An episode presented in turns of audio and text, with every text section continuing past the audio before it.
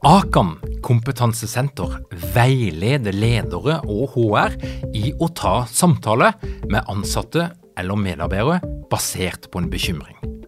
Akan setter ledere og medarbeidere i stand til å forebygge og håndtere en problematisk bruk av alkohol, narkotika, legemidler, spill eller doping blant ansatte. Ønsker du å lære mer om god forebygging og gjennomføring av samtale med en som du er bekymra for? Da kan du nå få tilgang på Akan sitt digitale samtalekurs til spesialpris, kun 760 kroner. Målet med kurset er å gjøre deg tryggere i det som kan være en krevende, men viktig samtale å ta i lederrollen. Du får tilgang til kurset med å gå til samtalekurs.no, samtalekurs.no, og bruke kampanjekoden LEDERPODDEN. Tilbudet gjelder ut april. Hei, før episoden begynner, så er det ei lita oppdatering. Lederprogrammet 2020 starter 25. august. Det er fremdeles noen plasser ledig. Vi var utsolgt på ambisiøs pakka, som blant annet inneholder personlighetstest, individuell tilbakelengningssamtale og mye mer. Men nå har jeg fått med meg Ellen Liverød Åsmund Tveit. Hun er en god kollega som er veldig erfaren på personlighetstester. Hun skal hjelpe meg med tilbakelesninga, og det betyr at vi har økt kapasiteten, og nå ligger det ti nye plasser ute på lederprogrammet.no for deg som ønsker å ta full pakke på lederprogrammet. Så kom deg inn på lederprogrammet.no hvis du har lyst til å være med på høstens beste åpne lederprogram.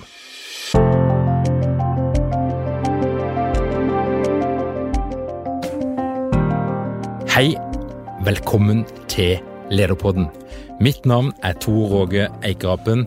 Jeg jobber som organisasjonspsykolog, og dette her er en podkast om ledelse. Det er faktisk den podkasten som ligger på førsteplass på iTunes sin oversikt eller rangering av podkaster i kategorien ledelse. Så takk til alle dykken som hører på og er med på å bidra med å få oss opp der. Har du sett på deg sjøl som en type som er utadvendt, som liker å være blant folk, som lett uttrykker positive følelser, begeistring og ja, rett og slett generelt er ganske positiv, og kanskje òg litt snakkesalig. Og så kommer du på en fest og så treffer du en person som du bare må snakke med, for kan sitte ved siden av hverandre, og så merker du veldig fort at dykken er forskjellige. For når du kommer med dine spørsmål og dine betraktninger, så får du ingenting tilbake. Kanskje et lite ja eller et annet enstavelsesord, men det føles som at du må trekke trekke ut ordene av den andre, og med den konsekvens at du blir litt urolig, du blir kanskje litt nervøs, og du begynner å fantasere litt om hva er det egentlig dette her handler om, blir jeg avvist, er det noe rart med den andre, er det sånn at den andre ikke liker meg, eller hva er dette her for noe? Og det kan jo selvfølgelig være at du har møtt en person som rett og slett ikke liker deg, men sannsynligheten er mye større for at dette her handler om individuelle forskjeller, og det handler om forskjeller i personlighet. Og i dag er det nettopp det jeg skal snakke om – personlighet. Jeg tykker det er et fantastisk gøy tema. Det er utrolig mye å hente for den enkelte, uansett om du er leder eller hvem du nå er, i det å bli bedre kjent med sin egen personlighet. For vi mennesker, vi eh, samhandler, vi kommuniserer, og vi må uansett alltid forholde oss til de her forskjellene i åssen vi er. Men det er veldig lett å tenke at når et annet menneske reagerer på en annen måte enn det jeg gjør, opplever ting på en annen måte, kommuniserer på en annen måte, er bare veldig annerledes, så er det lett å kjenne på irritasjon. Det mener jeg er det aller mest menneskelig, det mest vanlige, det mest intuitive, det er å kjenne på irritasjon når folk er annerledes skrudd sammen enn det du er sjøl. I positiv psykologi og i en del eh, selvutviklingsmiljø så fremstender det jo som at eh, forskjeller det er utrolig spennende, og du er heldig hvis du møter på en person som er annerledes enn deg sjøl, for da får du anledninga til å lære noe nytt. Og det er jo sant, men det en må ta inn over seg, det er jo at eh, den type holdninger, den fins kanskje hos noen medfødt, men hos de fleste av oss så er det å jobbe mot den menneskelige naturen og tenke at forskjeller er en god ting, og bli positivt nysgjerrig når du møter mennesker som da er annerledes skrudd sammen enn det du er sjøl. Personlighet, det handler om noen medfødte egenskaper. Ikke bare det, en tenker at ca. sånn 50% av din personlighet den er medfødt, og de resterende 50 prosentene, det varierer litt dette her, men de resterende prosentene, de handler om ditt oppvekstmiljø og det som har skjedd i livet ditt fram til du er ca. 30 år. Og når du fyller 30 år, så er personligheten relativt stabil. Selvfølgelig er det mulig å endre seg, men det krever veldig mye å endre personligheten sin. Og det du skal bare være helt sikker på, det er at eh, å endre andres personlighet, det er helt umulig. Så hvis du gifta deg litt tidlig og fant eh, et medmenneske som var nesten perfekt, det var kun personligheten som ikke du likte, og så tenkte du at den skal jeg forandre over tid, så tror jeg du gikk på en ganske stor smell det er få som har klart å forandre andres personlighet, selv om de har hatt en 30–40 år med ekteskap for å få det til. Personlighet, det handler om et mønster i din måte å tenke på, reagere på og eh, ja, håndtere de ulike situasjonene som, som du opplever gjennom livet. Og personligheten vår, den er eh, Ja, den er jo fleksibel, men en tenker at personlighet, det handler om den måten du hadde agert på hvis du sto helt fritt. Så det betyr at de fleste av oss, vi er jo litt annerledes på jobb enn det vi er i andre situasjoner, og heldigvis, for jeg tenker jo at det å være 120 seg sjøl på jobb, det kan bli altfor mye. Det holder i massevis med 70-80. Men vi tilpasser oss ulike situasjoner, og vi kan velge hvordan vi vil håndtere ting. Men personlighet, det tenker jeg er en, en, en preferanse for åssen du aller helst ville reagert og håndtert ting hvis du sto fritt. Og personligheten, det ligger jo litt i sakens natur, den er jo veldig ulik ifra menneske til menneske. Og dette her er noe som folk alltid har vært nysgjerrig på. Vi, vi, vi kan gå tilbake til langt før Kristus, tida før Kristus, og, og allerede da så var det teorier knytta til ulikheter mellom mennesker, der en prøvde å plassere folk i ulike bokser.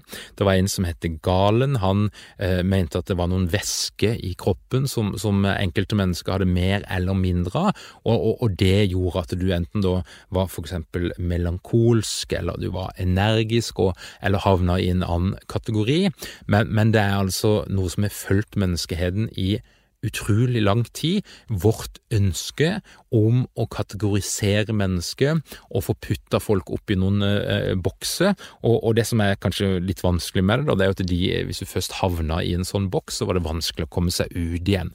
Frenologene reiste rundt på den norske landsbygda og målte hodeskallen til folk, og òg registrerte formen på hodet, og mente at de ut ifra hodeformen din så kunne de si noe om din intelligens og din, dine forutsetninger for å lykkes her i, her i livet. Og, og, da snakker vi altså om, om fram til ja, 1920-1930-tallet. Så det er ganske, ganske nylig at, at en, en, utrolig liten vitenskapelig metode for å putte folk i ulike kategorier var anerkjent og, og brukt aktivt.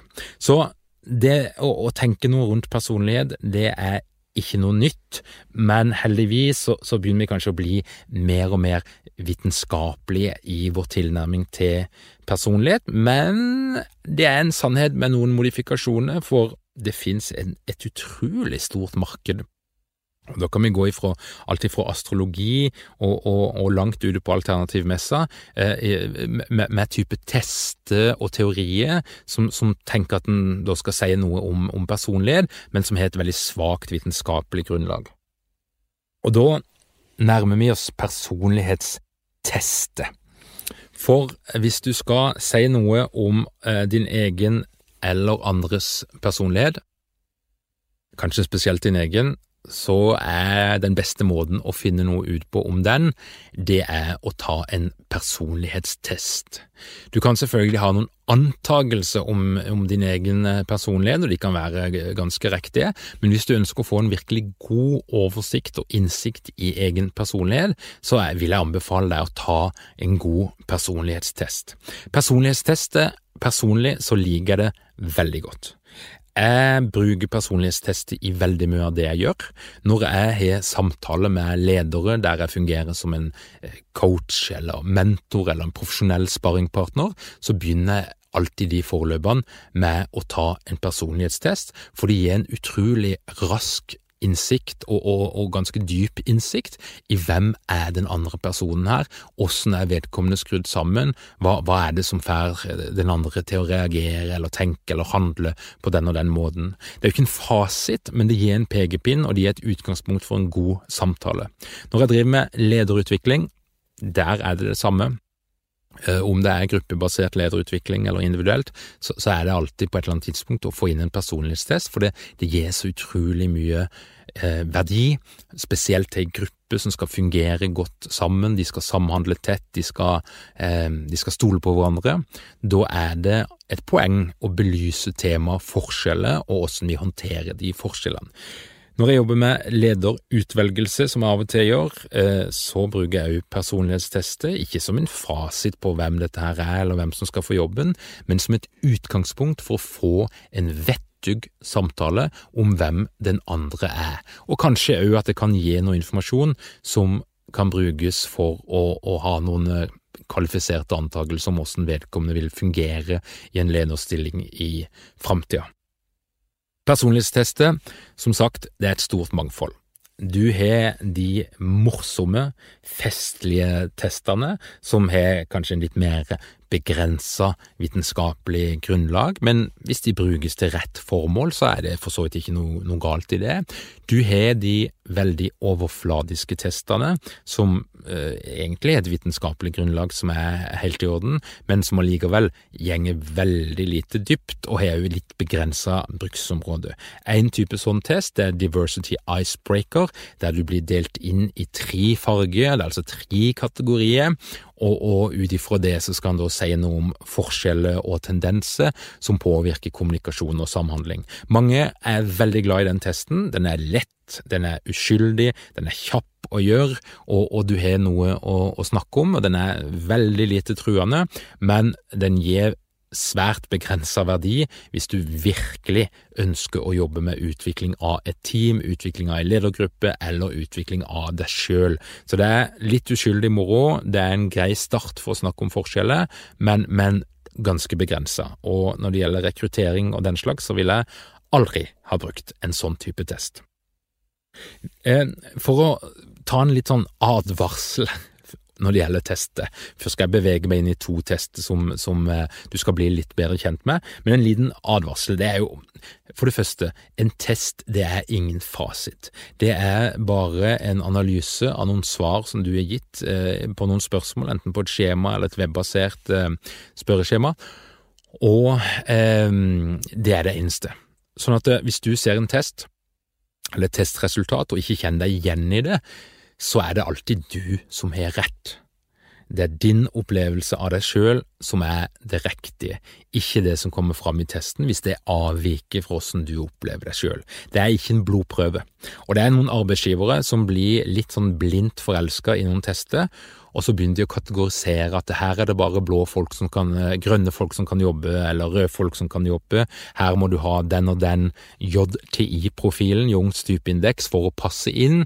Og da er det gått for langt. Da er vi inne på labeling, at du putter folk i en kategori, og så er det noen bestemte forventninger til hvem folk er, på et veldig tynt grunnlag. Altså du slutter å møte folk som individet der du ser hele mennesket. Du, du begynner å tenke på dem mer eller mindre som en kategori innenfor et eller annet personlighetstestsystem, og det er ikke sikkert det er en personlighetstest i gang, kanskje er det bare noe, et, et preferansesystem. Så det skal en være bevisst på. Det er òg eh, sånn at eh, tester kan misbrukes. Du, det kan ligge ganske mye makt potensielt i å eh, gjennomføre en test på noen og, og gjøre det resultatet kjent i ei gruppe. Så um, du, kan, du, kan, bruke det til, til, manipulering, du kan bruke det til å psyke folk ut, så en skal være litt forsiktig med åssen du bruker testet, til hvilket formål, og, og gjøre noen etiske vurderinger om åssen kan dette her slå feil ut. Og noen tester som er veldig gode og veldig grundige, de, de funker funker ikke så godt i gruppesammenheng, med mindre det er en ekstrem høy grad av tillit, psykologisk trygghet, mellom medlemmene i den gruppa og det teamet, så det skal en òg passe litt på. Og det er en god del useriøse tester der ute, det skal du bare være bevisst på. Det er tester som har null vitenskapelig grunnlag.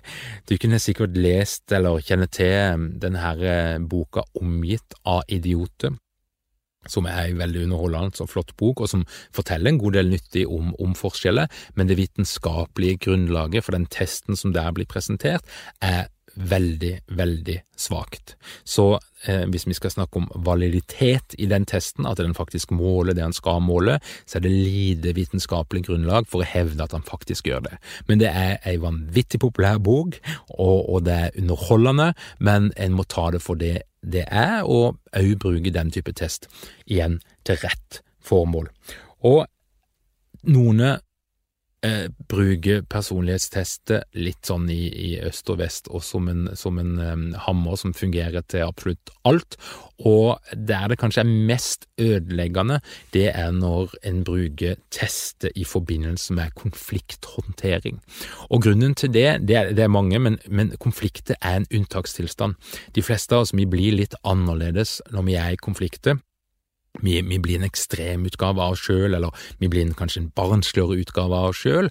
Og det å da putte inn personlighetstester for å si noe om forskjeller og hvorfor vi reagerer på hverandre sånn som vi gjør, kan bli veldig feil og gi et ganske misvisende bilde av situasjonen, og det er lett for at en begynner å putte hverandre i kategori og årsaksforklare alt med personlighet, og da blir det eh, fort ganske feil.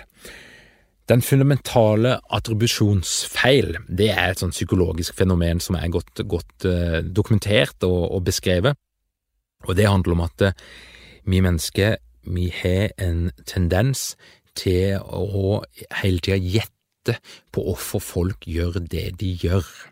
Og vi, vi har noen sånne antagelser, og vi stoler veldig på de antagelsene, og tendensen den gjenger på at uh, når vi ser andre gjøre et eller annet vi reagerer på, eller vi tenker det enten positivt eller negativt, og kanskje spesielt hvis vi tenker det negativt, så er det en tendens til at vi legger altfor mye vekt på personlighet.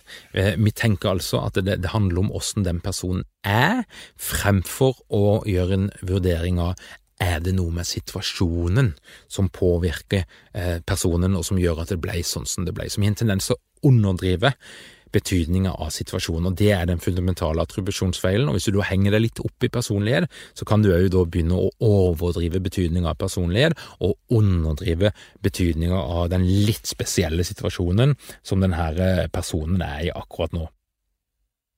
Eh, personlighet, hvis vi skal gå litt inn i testverden, da, så er det to typer tester, som er de, de, store kategoriene. Og den ene, det er en eh, typebasert teori, og den andre kategorien, det er en trekk basert teori. Og I Norge så vil jeg påstå at det er to store personlighetstester som eh, blir brukt i veldig stort omfang. Det finnes mange, og det finnes mange testselskaper som har sine egne utgaver av det, men det er to sånn hoved, hovedtester som en møter på veldig ofte hvis en jobber med organisasjon og ledelse. Og Den ene som er veldig populær i Norge, og som også er utarbeida i Norge, basert på, på teoriene til Carl Gustav Jung, det er den eh, testen som heter JTI, altså Jungs typeindeks. Det er en typeteori som eh, skiller seg ifra trekkteori med at eh, du blir putta i en kategori der du er enten eller. Så enten er du introvert, eller så er du ekstrovert. Og de har jo en del begreper som, som, ikke er så lett å skjønne hvis ikke du går inn i testen, men, men, du, men du, kan altså være en, en, en sanser. Eh, det, er, det, er, flere, men du er altså alltid eh, enten-eller. Og så vil du få noen bokstaver som da definerer din personlighet. Og denne testen jeg vil jo påstå at det er et litt mindre vitenskapelig grunnlag enn den jeg skal snakke om etterpå, men, men det begynner å komme en del forskning på den her òg, men den kommer altså fra det, den dynamiske delen av psykologien, som ikke alltid var like sterk på, på forskning og, og, vitenskap, men som mer hadde litt subjektive teorier basert på, på sine subjektive erfaringer eh, klinisk. det ikke mange ledere uten trening eller utdannelse innen ledelse? Mangler dere en felles kultur og praksis for ledelse? Ønsker dere å være bedre rustet for fremtidig vekst og endring? Da kan et internt lederutviklingsprogram være en god investering. I Execu er vi eksperter på å designe og gjennomføre bedriftsinterne lederutviklingsprogram. Hvis du ønsker å lære mer om hvordan vi kan hjelpe dykken til å få enda bedre ledere, ta og klikk deg inn på execu.no.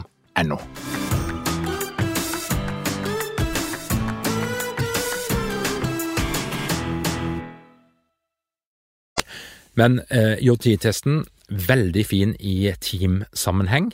Uh, den er ganske uskyldig. Det, er ikke så veldig utleverende hvis du bare havner i én av to kategorier, så det er ganske greit. Um, og den gir en god del svar på, på forskjeller mellom hvorfor er vi sånn. Hvorfor er noen veldig abstrakte, mens andre er mer konkrete. Og, og, og, og skyldes dette her? Og, du vil da få noen, noen ganske gode svar gjennom JT-testen. Så i en sånn teamsammenheng fungerer den veldig bra. Eh, og, og er lite truende. Men det er, den er, har jo noen mangler, for det blir litt lite nyansert. Eh, vi blir litt sånn forenkla som mennesker. Du mister noe av kompleksiteten som de fleste av oss da har. Og, og, det er noen av svakhetene som gjør at han heller ikke egner seg sånn ekstremt godt til individuell lederutvikling, med mindre du putter på en, en test til. Og den fungerer vel egentlig ikke i det hele tatt eh, som et verktøy for rekruttering. Da blir det for unyansert, det blir litt spekulativt, ehm, og jeg tenker det er ikke rettferdig mot noen som har søkt på en jobb, å basere et inntrykk på JTI-testen som er såpass grovkorna som, som det han er. Men en spennende test og masse materiell eh, som, som, som, hører med, sånn at hvis du sertifiserer deg på den testen, så vil du få en ganske stor pakke med verktøy. Så jeg kjenner jo til konsulenter som utelukkende jobber med JT, og det er nesten alt de gjør, for de bruker hele den her verktøypakka som, som følger med. Så dette her er en test som du garantert vil, vil komme borti, hvis ikke du allerede har vært borti den. Den neste eh, typen eh, teori, det er altså trekkteori. Og når det gjelder trekkteori, så, så, er hovedforskjellen på det og en type teori, det er at eh, der er du ikke enten-eller, men du er eh, en eller annen plass på en skala, på et kontinuum. Og det er noe litt annet, så der er det altså mer grade. Det er ikke så kategorisk, det er mer nyansert, mer komplekst. Og eh, den fremste trekkteorien hvis vi skal se på forskning, anerkjennelse, bruk i seriøs testing, det er Big Five. Big Five er gjort kjent i Norge gjennom Harald Eia, som da ikke er psykolog eller psykometriker, men, men som har da lagd en podkast som heter noe sånt som Hvem er du? eller Dette er du. Som er veldig underholdende og veldig god, og, og, en veldig fin måte å bruke en sånn test på, der en intervjuer kjente folk, og, og, du blir kjent med dem på en helt annen måte, så den anbefaler jeg virkelig. Og Big Five um, Costa McRae, som har utvikla den, røtter tilbake på 50-60-tallet. Det er altså en teori som, som, som da mener at vi mennesker, vi er ulike fra hverandre innenfor fem hoveddimensjoner. Og så er det da seks fasetter, som det heter, under hver av de dimensjonene. Det betyr at det blir etter hvert ganske eh, komplekst og ganske stort bilde som blir, blir, malt, og du kommer ganske godt ned i dybden. Og Da er det jo viktig å si at eh, Big Five det er en ren personlighetsteori, mens JTI det er faktisk ikke en personlighetstest. Det er ikke det begrepet som blir brukt, det er en preferansetest, altså, på hva du foretrekker eller hvor du får energi. altså Det er et viktig skille der òg. Big Five, det er fem kategoriene. Vi kan putte det litt inn i sånn koronakontekst, det tykker jeg er litt gøy, for jeg har hatt en periode i mars-april der jeg leste mange personlighetshester tilbake til, til noen kunder og deltakere på, på, lederprogram, og da fikk jeg jo sett litt grann hvordan personligheten spilte seg ut i en litt ekstrem fase i, i livet og i arbeidslivet. Og hvis vi putter det inn i sånn koronakontekst, så, så, så starter jeg med den første dimensjonen, eh, og den kaltes før for nevrotisisme, men nå, nå kalles det for følelsesmessig instabilitet. Jeg vet ikke om det er så veldig mye bedre, men, men det er altså en litt sånn belastende eh, ordbruk. Og det må jeg jo si om, om eh, Big Five. Eh, selve testen heter ikke Big Five, den heter Neopi 3. Fins i forskjellige utgaver, men det er på en måte full, fullskala-testen. Men, men eh, hvis en skal ha noe kritikk, da, så er det jo at det er et veldig psykologisk språk, klinisk språk. Det er en del begreper der som er enten litt vanskelig å skjønne, eller kan føles litt diagnostiserende, men det er altså ikke en test som du kan, kan diagnostisere folk for noe som helst, men begrepsbruken, ordbruken, er litt vel mye i den retninga allikevel. Den eh, dimensjonen, det er den mørkeste dimensjonen. Den måler tendenser til å kjenne på engstelse, tendens til å kjenne på bekymring, uro, depressive tanker. Da snakker vi altså ikke om klinisk depresjon, men vi snakker om tendensen til å kjenne på den type håpløshet, negative tanker om fortida og framtida. Og igjen, personlighet. En tenker altså at det er gjennomsnittet av åssen du stort sett føler, tenker, handler, reagerer. Og i en koronakontekst så er det klart at det å være litt høy på følelsesmessig instabilitet, og ha litt engstelighet, litt bekymring, være litt sånn skeptisk og kanskje litt risikoaversiv òg, trenger ikke nødvendigvis henge sammen, men, men, men, det kan jo faktisk, faktisk, være en fordel. Og jeg vet jo at det er mange engstelige som har blitt eh, kjempeglade når koronasituasjonen eh, eh, seig innover landet, for at endelig så var de i en posisjon der de gjorde det riktige, og de var de på en måte normale, eller de som hadde en optimal atferd, og, og, og noen gikk jo såpass langt at ja, det er ikke det jeg har sagt, verden er et farlig sted, og nå ser alle det endelig. Og noen av de som kanskje var på kanten til det nevrotiske når det kom til spriting, hygiene, skiftetøy på barna, og, og etter de kom fra barnehagen, og mange typer regimer knytta til hygiene og renhold, de, de, fikk jo endelig lov til å stå fram med dette her, og, og istedenfor å bli sett på som hysteriske eller nevrotiske, så, så ble de mer sett på som ansvarlige og, og de som gjorde det rett så, så, det er en måte å beskrive den eh, dimensjonen på. Og hvis du er lav på den dimensjonen, så, så, bekymrer du deg ikke i det hele tatt. Eh, eh da er, blir du sjelden stressa, og, og, du kjenner ekstremt lite på engstelighet. Og selv om det brenner i huset ditt, så vil du bruke ganske god tid på å gå inn på Google og finne ut hva er det fornuftig å gjøre nå. Eh, veldig avslappa. Og det er klart, hvis du har det personlighetstrekket, så kan jo det være en risikofaktor i en sånn epidemi eller pandemi, der, der det er et poeng å være litt redd. Og hvis du ikke er det da, så, så blir du kanskje litt blaffen når du tar en tur til Spania eh, ganske snart og, og bekymre deg lite over det.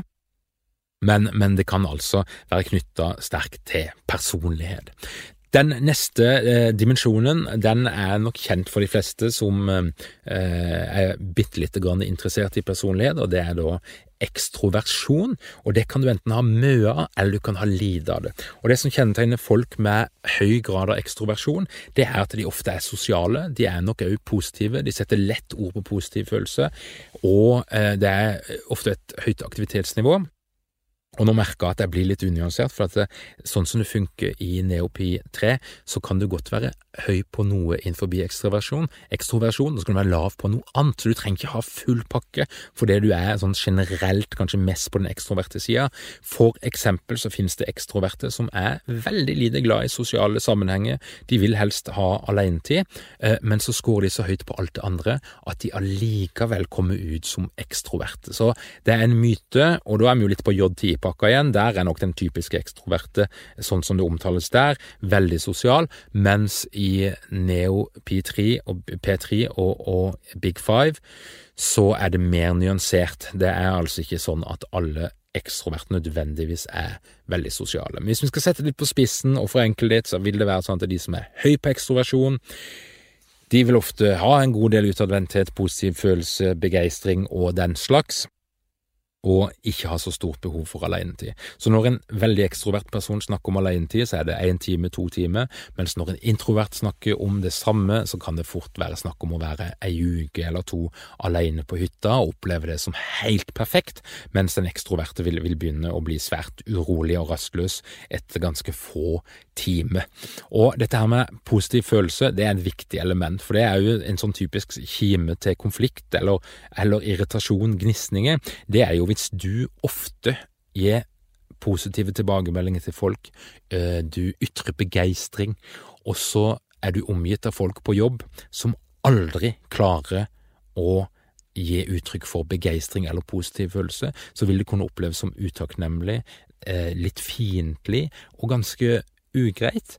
Og, og, det er jo da det er så fint hvis en greier å få fram at dette her handler om personlighet, for der er det altså et personlighetstrekk. Det finnes jo selvfølgelig som bare, folk som bare hater jobben sin, og av den grunn eh, ikke uttrykker noe begeistring, for de er rett og slett ikke begeistra, men privat så kan de være veldig begeistra. Men det er altså et personlighetstrekk som, som påvirker oss eh, i grad av positiv følelse, og i hvilken grad vi er uttrykk for det. Den neste dimensjonen det er åpenhet for uh, erfaring. Og tilbake igjen til den der koronasituasjonen, korona, eh, så, så, er det altså sånn at de ekstroverte de mistrives ofte på heimekontor, mens de introverte de er veldig vanskelig å få hjem igjen fra heimekontoret. Så det er noe som mange har opplevd den siste tida. Men tilbake igjen til den tredje dimensjonen, åpenhet for erfaring.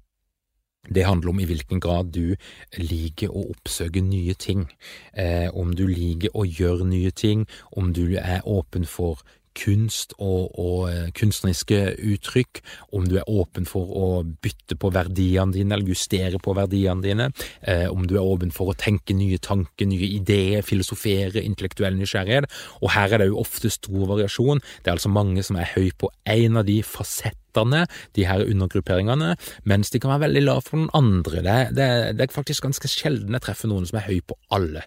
Og eh, ja, inn på korona igjen, litt usikker på åssen dette her slår inn, men, men, det er klart at hvis du er veldig lav, så vil du nesten ha litt vanskeligheter med å gjøre ting på en ny måte, og det å bli kasta inn i en ny jobbsituasjon der du skal fjernledes, og du skal fjernlede, og du skal jobbe på heimekontor, og du skal gjøre mange ting på en helt ny måte, og hvis du da er lav på åpenhet på erfaring, så kan det virke ganske truende og overveldende, og det kan skape en del engstelse. Den neste dimensjonen, det er omgjengelighet. Det handler om eh, din tendens til å aktivt bry deg om andre. Det handler òg, det er jo en, en, en, tillits, eh, en tillitsdimensjon der. Men det handler altså om åssen møter du andre, er du altruistisk, gir du penger til tiggere, er du engasjert i andres ve og vel, og har du òg en evne til å la deg påvirke av andres følelse. Og det å være høy på omgjengelighet, det kan på den ene sida være veldig bra, de blir jo sett på som gode, positive mennesker, de som er der, med mye omsorg for verden og eh, de nærmeste. Og er du lav der, så, så, kan det jo være at du blir opplevd mer som kanskje litt kald, eh, litt kynisk, hvis vi skal strekke det eh, veldig langt. Og eh, begge deler kan jo ha noe negativt og positivt med seg. Altså er du veldig høy på, på medmenneskelighet så, eller omgjengelighet, så kan du jo stå i risiko for å brenne deg litt ut, spesielt hvis du er i en jobb med folk som trenger deg veldig mye, og som krever mye av det, eller du er en familie som krever veldig mye av det. Så kan det være at du av og til blir litt selvdestruktiv og setter dine egne behov altfor langt bak i prioriteringsrekka, og andres behov langt for, langt framme. Og eh, hvis vi skal gå inn i koronasituasjonen igjen, så vil jo en typisk en person som er veldig høy her, vil jo engasjere seg i å hjelpe andre, bli med på hjelpeaksjoner, kjøre eh, rundt på, på, mat og levere, og, og kanskje bli med i noen Facebook-gruppe, eh, støtte ting økonomisk. Mens en som da er lav, vil kanskje mer bry seg om seg sjøl og sine absolutt nærmeste, og ha et relativt lite engasjement for, for andre utover det. Den siste dimensjonen som du skal bli kjent med nå, det er planmessighet. Planmessighet, hvis du er høy på det, så hvis du er høy på alle de fasettene, så er du ambisiøs, du har en ekstrem selvdisiplin, du setter deg mål, du gjennomfører, du har orden i alt, det er på kanten til en tvangslidelse. Og eh, det er jo ofte sånne eh, typer som er lojale mot lover og regler, og at ting skal være innenfor noen firkant og være ordentlig. Eh, og det er noe tvangsmessig der, da, hvis vi er liksom virkelig påskrudd på, på, alle der, og kanskje noe litt rigid, vil jeg si. Og, og, og, og du, du, du, har litt å jobbe med, altså, hvis du befinner deg på toppen der. og Det er jo sånn begrepet flink pike, eller vi kan snakke om hvem er det som er i risiko for å bli utbrent, og det er helt klart at skårer du høyt på de fleste av fasettene på kategorien planmessighet, dimensjonen planmessighet, så har du eh, en høyere risiko for å bli utbrent. Det betyr ikke at du blir det, men det er en høyere risiko der, og du skal være bevisst på det. Hvis du er lav, så har du et mer avslappa forhold til det meste. Det er mer kaos. Det er eh, Eller det som en planmessig person vil oppleve som kaos. Og det er mer eh, at du, du, du, du ter ting sånn som det kommer. Det ordner seg alltid. Et optimistisk verdenssyn. Eh, og, og, du har heller ikke så mye ambisjoner. Og så lenge du kan holde på med dine ting og, og synes det er fint, så, så strever du ikke etter så, etter så veldig mye mer. Og Tilbake igjen til korona. Det er klart at hvis du er høy på planmessighet, så følger du lov og regler, altså. Hvis du blir pålagt å gå med munnbind, eller du blir pålagt å holde en meters avstand, ja, men da gjør du det. Mens hvis du er lav på planmessighet og alle av de her dimensjonene, så vil du lettere gi blaffen. Du etablerer heller dine egne regler for hvordan ting skal gjøres, og du er villig til å ta noen shortcuts. Og i en koronasituasjon så vil en sånn person ha en, en betydelig høyere risiko for både å bli smitta og spre smitte. Og alt dette her jeg tykker det er utrolig spennende, og du kunne sikkert skjønt allerede at hvis du da bli kjent med din egen personlighet, så gjør det jo noe med det, og, og, det styrker forutsetningene dine til å få et godt samspill. Det kan være med partneren din, det kan være med familien din, det kan være på jobb med de du skal lede, eller dine kollegaer. fordi at det å skjønne seg sjøl, det handler jo om å skjønne hvorfor du reagerer sånn som du gjør på andre. Det handler om å forstå litt dine egne mekanismer, og når du skjønner dine egne mekanismer, så er det jo større eh, mulighet til å kontrollere det, eller justere det, og òg kanskje at du bli at du får litt mer avstand da, mellom dine egne følelser og reaksjoner, at du klarer å koble på den delen av hjernen som er rasjonell og som kan gjøre noen fornuftig analyse, fremfor å bare agere på følelser og innskytelser og umiddelbart, og at det er den såkalte reptilhjernen du snakker til. Så det å bli kjent med egen personlighet, det handler jo da om, om det en kan kalle for eh, selvinnsikt. Eh, mentalisering er jo et begrep som blir brukt, altså forstå seg sjøl utenfra og andre innenfra. Altså ha liksom et større perspektiv på hva er det som skjer når vi og deg møtes, når vi snakker sammen på denne måten.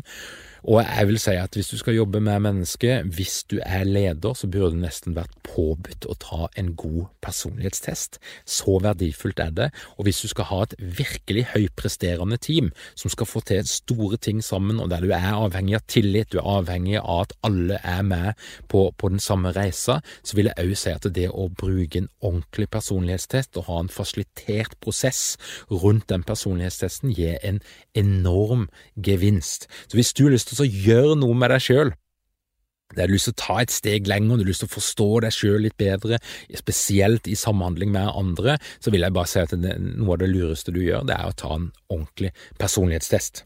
Og nå fikk jeg jo da en gyllen anledning til å komme inn med litt reklame, for vi skal jo i gang med lederprogrammet 2020 veldig snart, og der har vi en pakke som heter Ambisiøspakka, der vi nettopp da la ut ti nye plasser etter å ha vært utsolgt. Jeg har fått med meg Ellen Livrud Åsmund Tveit, som er en kjempegod kollega, som er superflink på personlighet. Jeg jobber med det i mange år, og hun skal hjelpe meg med, med å få lest tilbake og gjennomført de her testene, for det er altså noe individuelt. Det betyr at vi har ti nye plasser ute, der du vil få full personlighetstest, neo Pi 3. Du vil få en individuell tilbakelesningssamtale, enten med meg eller med Ellen, og du vil få en egen workshop knytta til selvutvikling som leder. Og det er mye mer goodies òg i den pakka, så hvis du er interessert, kom deg inn på lederprogrammet.no. Var ikke det en fin avslutning på dagens episode?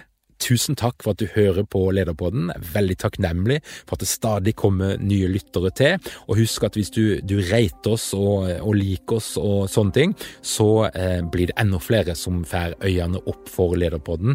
Og jeg er veldig takknemlig til alle dere som deler på Facebook og LinkedIn og rundt forbi og promoterer Lederpodden, og dere blir begeistra eh, for det som kommer der.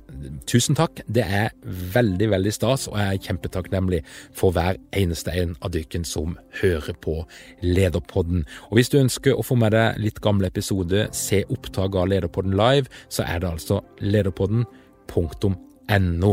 Og hvis du ønsker å bli kjent med meg, eh, Tor Åge, eh, og det jeg holder på med, foredrag, workshops, fasilitering, sparring, så har jeg i dag lansert en helt ny hjemmeside som du finner på torage.no.